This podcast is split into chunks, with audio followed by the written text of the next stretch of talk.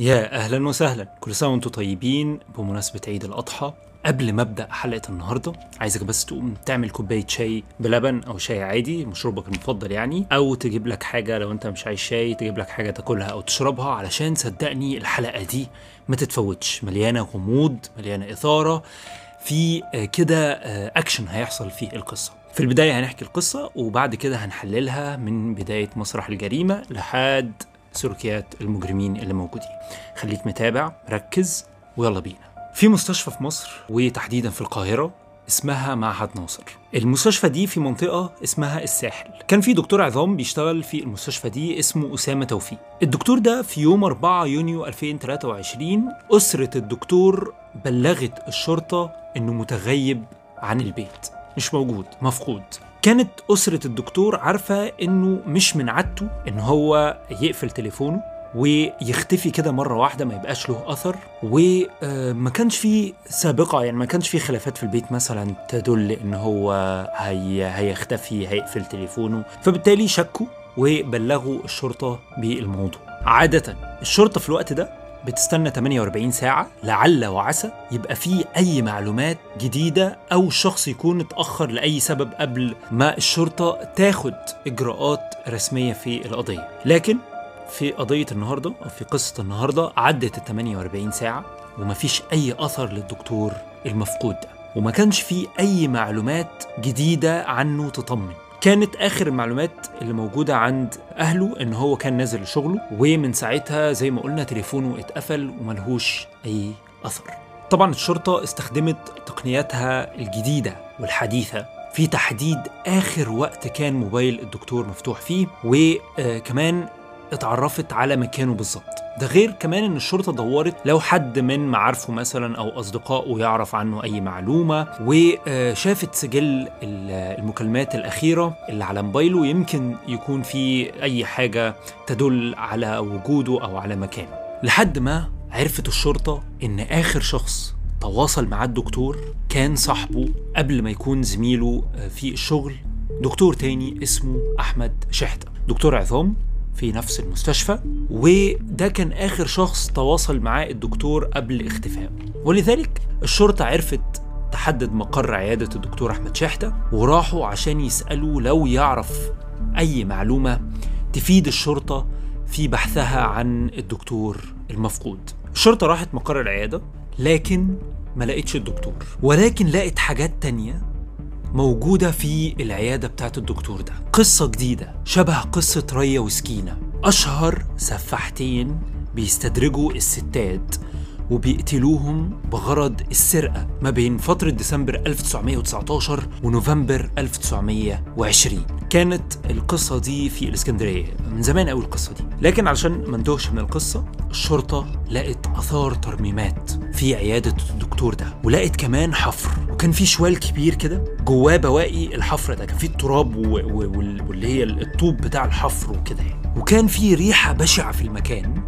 كانت طالعة يعني فايحة في كل مكان. فالشرطة بلغت النيابة العامة بالموضوع علشان يبدأوا تحقيق في القضية الجديدة. خلاص بقت العيادة هي مسرح الحادث الجديد. قد يكون كمان الخيط اللي يدلنا على الدكتور المفقود. بدأت النيابة العامة في تحقيقاتها على طول. راحت لعيادة الدكتور أحمد شحتة لمعاينتها وخدت معاها طبيب شرعي وواحد من المختصين أو الخبراء بالإدارة العامة لتحقيق الأدلة الجنائية. أول ما وصلوا فعلا لقوا فوضى في المكان وحاجات كتير مرمية في كل حتة آثار دم وأدوات حفر متخبية. وكان من الواضح إنه حد استخدمها من قريب يعني حد استخدم الحاجات اللي موجودة دي أدوات الحفر وال- والبنى دي من قريب.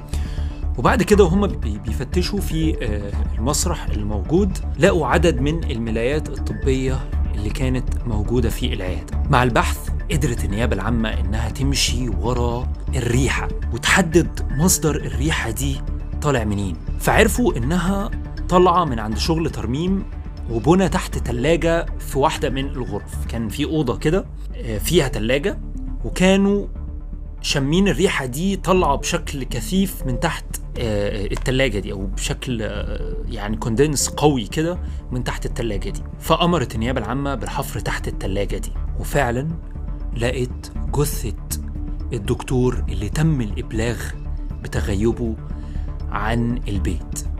ومن هنا كلفت الطبيب الشرعي إن هو يشرح الجثة عشان يعرف الإصابات اللي فيها. ويعرف سبب الإصابات دي وطريقة وفاة الشخص اللي موجود أو الجثة اللي كانت موجودة. كمان مع التقدم في التحريات كان لازم نعرف خط سير الدكتور أسامة. ولذلك النيابة العامة لقت بعض الكاميرات المراقبة اللي ساعدت إنها توصلنا لتحديد خط سير المجني عليه الدكتور أسامة أو الضحية. في القضية دي الدكتور أسامة. الكاميرات وثقت لحظة خروج الدكتور من مستشفى معهد ناصر مكان عمله في اليوم اللي اختفى فيه اللي هو كان يوم 4 يونيو ولكن الدكتور ما خرجش من المستشفى لوحده. الدكتور خرج مع عامل الشرطة عرفت إن هو كان بيشتغل عنده في العيادة وراحوا لعمارة سكنية في شارع اسمه مسجد الرحمة وبعد كده خرجوا ومعاهم الدكتور المشتبه فيه من نفس العمارة اللي هي في مسجد الرحمة اليوم اللي بعده. طيب لحد كده إحنا وصلنا ان إحنا عندنا عيادة الدكتور أحمد شحتة المشتبه إن هو ورا الجريمة ولقينا في العيادة دي كركبة بهدلة وقدرنا نوصل إن الدكتور المفقود ما خرجش لوحده وطلع مع العامل من المستشفى وبعد كده مع الدكتور المشتبه فيه في اليوم اللي بعده والعامل برضه فبكده نقدر نفهم شوية القصة واصلة لفين. المهم مش عايزين نستعجل. بدأت النيابة إنها تستجوب عدد من الشهود وكانوا أربع أشخاص. وعرفت منهم إن المجني عليه أو الدكتور أسامة توفيق كان موجود في القاهرة من يوم 3 يونيو يعني قبل اختفائه بيوم. وكان المفروض يجي بعدها بيومين اللي هو 5 يونيو واليوم اللي كان ده المفروض يقابل واحد من صحابه.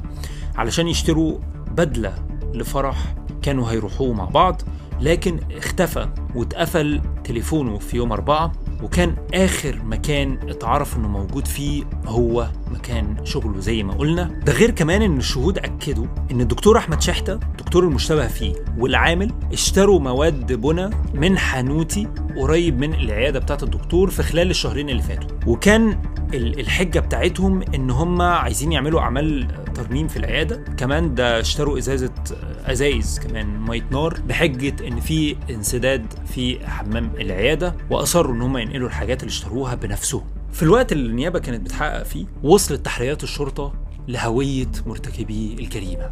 واكتشفوا إن الطبيب أحمد شحتة صديق المجني عليه الدكتور أسامة والعامل هما اللي ورا الجريمة. ولكن الشرطة كشفت معلومة مهمة تانية إن في شخصية تالتة مشاركة في الجريمة. محامية كانت على علاقة عاطفية بالدكتور أحمد شحتة. إيه قصة المحامية دي؟ هنحكيها دلوقتي. خليك معايا. أمرت النيابة العامة بضبط وإحضار المتهمين واتقبض عليهم. كان كل واحد فيهم في حتة. وتم استجواب المتهم صديق المجني عليه. واعترف إن هو اللي ورا القصة كلها. هو اللي ورا الجريمة. هو اللي خطط للجريمة كلها. الدكتور أحمد شحتة المفروض إن هو يبقى صديق المجني عليه وكمان هما من نفس القرية يعني جيران. كان عنده معلومات وكان عارف بما إنه صديق المجني عليه يعني إنه المجني عليه أو الدكتور أسامة كان مع مرتاح ماديا وكان معاه فلوس كتير كان معاه عملات أجنبية وكان الدكتور أسامة بيستخدمها وبيحولها و... وكان معاه بطاقات بنكية زي ال ATM فقرر إن هو يطمع في الحاجات دي واتفق مع متهمين تانيين من شهر تقريبا على سرقة المجني عليه وكانت خطتهم كالاتي المحامية اللي كان على علاقة بيها تستدرج الدكتور أسامة لعمارة هيأجرها. العامل واللي كشفت الكاميرات دخول الدكتور أسامة ليها بحجة توقيع كشف طبي منزلي فيها تمام؟ الأطباء ساعات بيروحوا البيوت يكشفوا آه لو حد مثلا مش بيقدر إن هو يروح المستشفى أو كده يعني. فكانت المحامية استدرجت الدكتور بحجة توقيع كشف طبي منزلي فيها. ومن هنا بدأ المتهم والعامل أول ما دخل الدكتور العمارة ربطوه خدروه وبدأوا يسرقوه. أما المحامية فكان دورها بعد ما تستدرج الدكتور إنها تشتري مخدر وصفه الدكتور أحمد شحتة أو المتهم الرئيسي علشان يستخدموا المخدر ده في تخدير الدكتور. تمام؟ الاستدراج حصل يوم 3 يونيو لما طلبت المحامية من المجني عليه الكشف الطبي وحدد العامل اللي كان بيشتغل عنده في العيادة عنوان الوحدة السكنية اللي المفروض يتعمل فيها الكشف الطبي. فراح المجني عليه في اليوم اللي بعده كانت نيته إن هو يساعد الحالة اللي محتاجة الكشف. ولكن أول ما وصل الدكتور أسامة مع العامل اللي كان عارف الطريق وكان عارف العنوان ربطوا الدكتور أحمد شحتة أو الدكتور المتهم والعامل وحقنوه بمخدر فأغمى عليه. سرقوا محفظته بطاقة ال ATM اللي كانت موجودة معاه وقفلوا موبايله وكسروه لأن هم كانوا خايفين من التتبع في خلال الخطة أو العملية الدكتور أسامة كان بيحاول يستعيد وعيه كذا مرة. المرة الأولى من محاولة استعادة الوعي حقنوه تاني بالم- بالمخدر ونقلوه لعيادة المتهم بالساحل في القاهرة في فجر اليوم ده لأن هم كانوا خايفين إن هم يتقفشوا في العمارة اللي استأجروها دي. فقال لك أنا أروح لمكان أنا عايش فيه والناس عارفاني فيه. وهناك خبوا جثة الدكتور في الحفرة اللي كشفتها النيابه في أثناء المعاينة. وكان أثناء الاستجواب المتهم قال إن الحفرة اللي هو حفرها دي كان حفرها لتخزين الأدوية فيها علشان يبيعها ولكن ده ما كانش صح. في المرة التانية اللي استعاد فيها الدكتور أسامة وعيه وحاول إن هو يستغيث خدروا الدكتور المرة التانية وسابوا من غير أكل وشرب لمدة يومين لحد ما مات فدفنوا هو والعامل جوه الحفرة دي واختفوا. بعد كل التفاصيل دي أمرت النيابة العامة بحبس المتهمين الثلاثة احتياطيا على ذمة التحقيقات لاتهامهم فيها بقتل المجني عليه عمدا مع سبق الإصرار المقترن بسرقته بالإكراه وجاري اتخاذ الإجراءات واستكمال التحقيقات.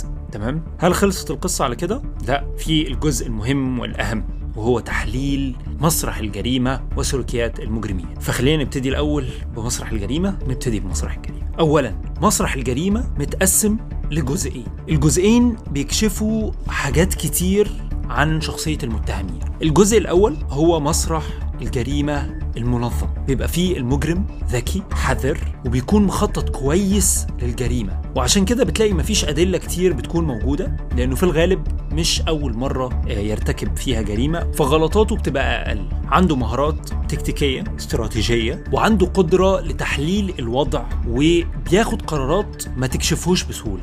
شخص ذكي زي ما قلنا. أما الجزء الثاني فهو مسرح الجريمة الغير منظم. بتكون الجريمة هناك عشوائية أو فردية من غير تنظيم أو خطة انسحاب بدون أثر ممكن نسميها كده يعني خطة انسحاب بدون أثر أو ترتيب سابق للجريمة. ولذلك بيبقى فيها آثار وأدلة كثيرة جدا بتكشف المجرم بسهولة. وفي الغالب الجرائم الغير منظمة بتبقى دوافعها فردية زي الغضب زي الانتقام وحاجات تانية كتير.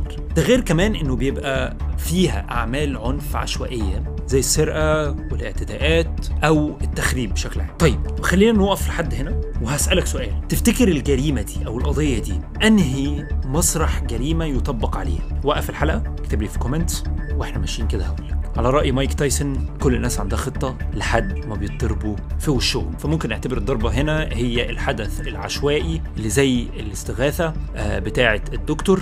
ولذلك اخترنا مسرح الجريمة التاني عشان الحاجات اللي مرمية في كل حتة وآثار الدم والحفر والترميم. ممتاز. تعال نرجع كده للاستجواب شوية. أثناء استجواب النيابة العامة للعامل والمحامية ضافوا إن الغرض من استدراج الدكتور أسامة هو الانتقام. ممتاز؟ فهنا قلنا في مسرح الجريمة إنه آه، بيبقى هدفه الانتقام. وكان ده بسبب خلاف شخصي بينه وما بين الدكتور أحمد شحتة. يعني كان في خلاف شخصي ما بين الدكتور أحمد شحتة والدكتور أسامة. لما نيجي هنا نحلل شخصية المتهمين نقدر نقول إن العامل في القصة هو عبد للمأمور هنلاقي بني آدم بسيط من منطقة فقيرة خاضع زي ما اتكلمنا في حلقات آه، قبل كده ملهوش آه، قوة أو سيطرة ممكن تبقى شخصيته ضعيفة بيسمع الكلام بس وخلاص. فلذلك ما عندناش تعقيب قوي على شخصية ال- العامل ده. نيجي بقى للمحاميه كنت شفت فيديو كده من يومين استغرب إنه إزاي المحامية أو إزاي محامية ودارسة قانون تشترك في جريمة بشعة زي دي. السؤال موجود سؤال منطقي.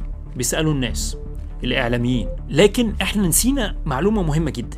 إن قبل كل حاجة قبل ما الست دي تبقى محامية هي إنسانة تمام؟ بمعنى إنه قد تكون ال- المحامية تم ابتزازها عاطفيا من الدكتور المتهم عشان تشارك معاه في الجريمة عن طريق حاجة ممكن نسميها وعد كاذب أو وعود كاذبة ماشي؟ أو أقصد إيه بالكلام ده؟ أو أقصد إيه بالوعود الكاذبة؟ مش إحنا قلنا إن المتهم الرئيسي كان على علاقة بالمحامية دي وكان في كمان كلام أصلا بس مش أكيد لذلك ما ضفتوش في القصة إن هم كانوا متجوزين عرفي. فلحد هنا الكلام حلو قوي قد يكون المتهم الأول عشمها واستغل حبها له أو مشاعرها ولعب عليها وعدها إنه بعد ما تتم الجريمة هياخد الفلوس ويتجوزوا ويعيشوا حياة سعيدة جميلة والدنيا تبقى كلها ورد وفل. طبعا كشخص تم ابتزازه عاطفيا شايف الدنيا بس من من بعيد كده شايف إنه إيه الدنيا وردية إنه آه تمام خلاص أنا هسمع كلامه علشان ناخد الفلوس دي ونعيش حياة سعيدة. وده بيندرج تحت مسمى التلاعب النفسي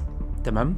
استغلال الشخص وابتزازه عاطفيا واللعب على مشاعره عشان يوصل لهدف معين ده بنسميه التلاعب النفسي. وده فعلا اللي حصل في قصة النهاردة.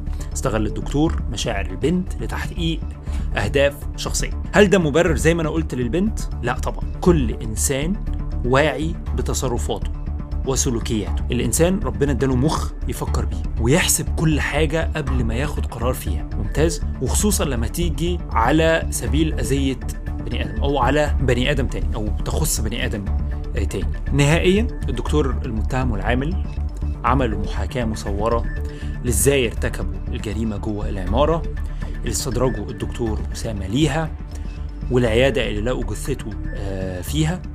وزي ما قلنا قبل كده تم حبسهم على ذمة التحقيقات. وبكده نكون خلصنا قصة النهاردة أو حلقة النهاردة.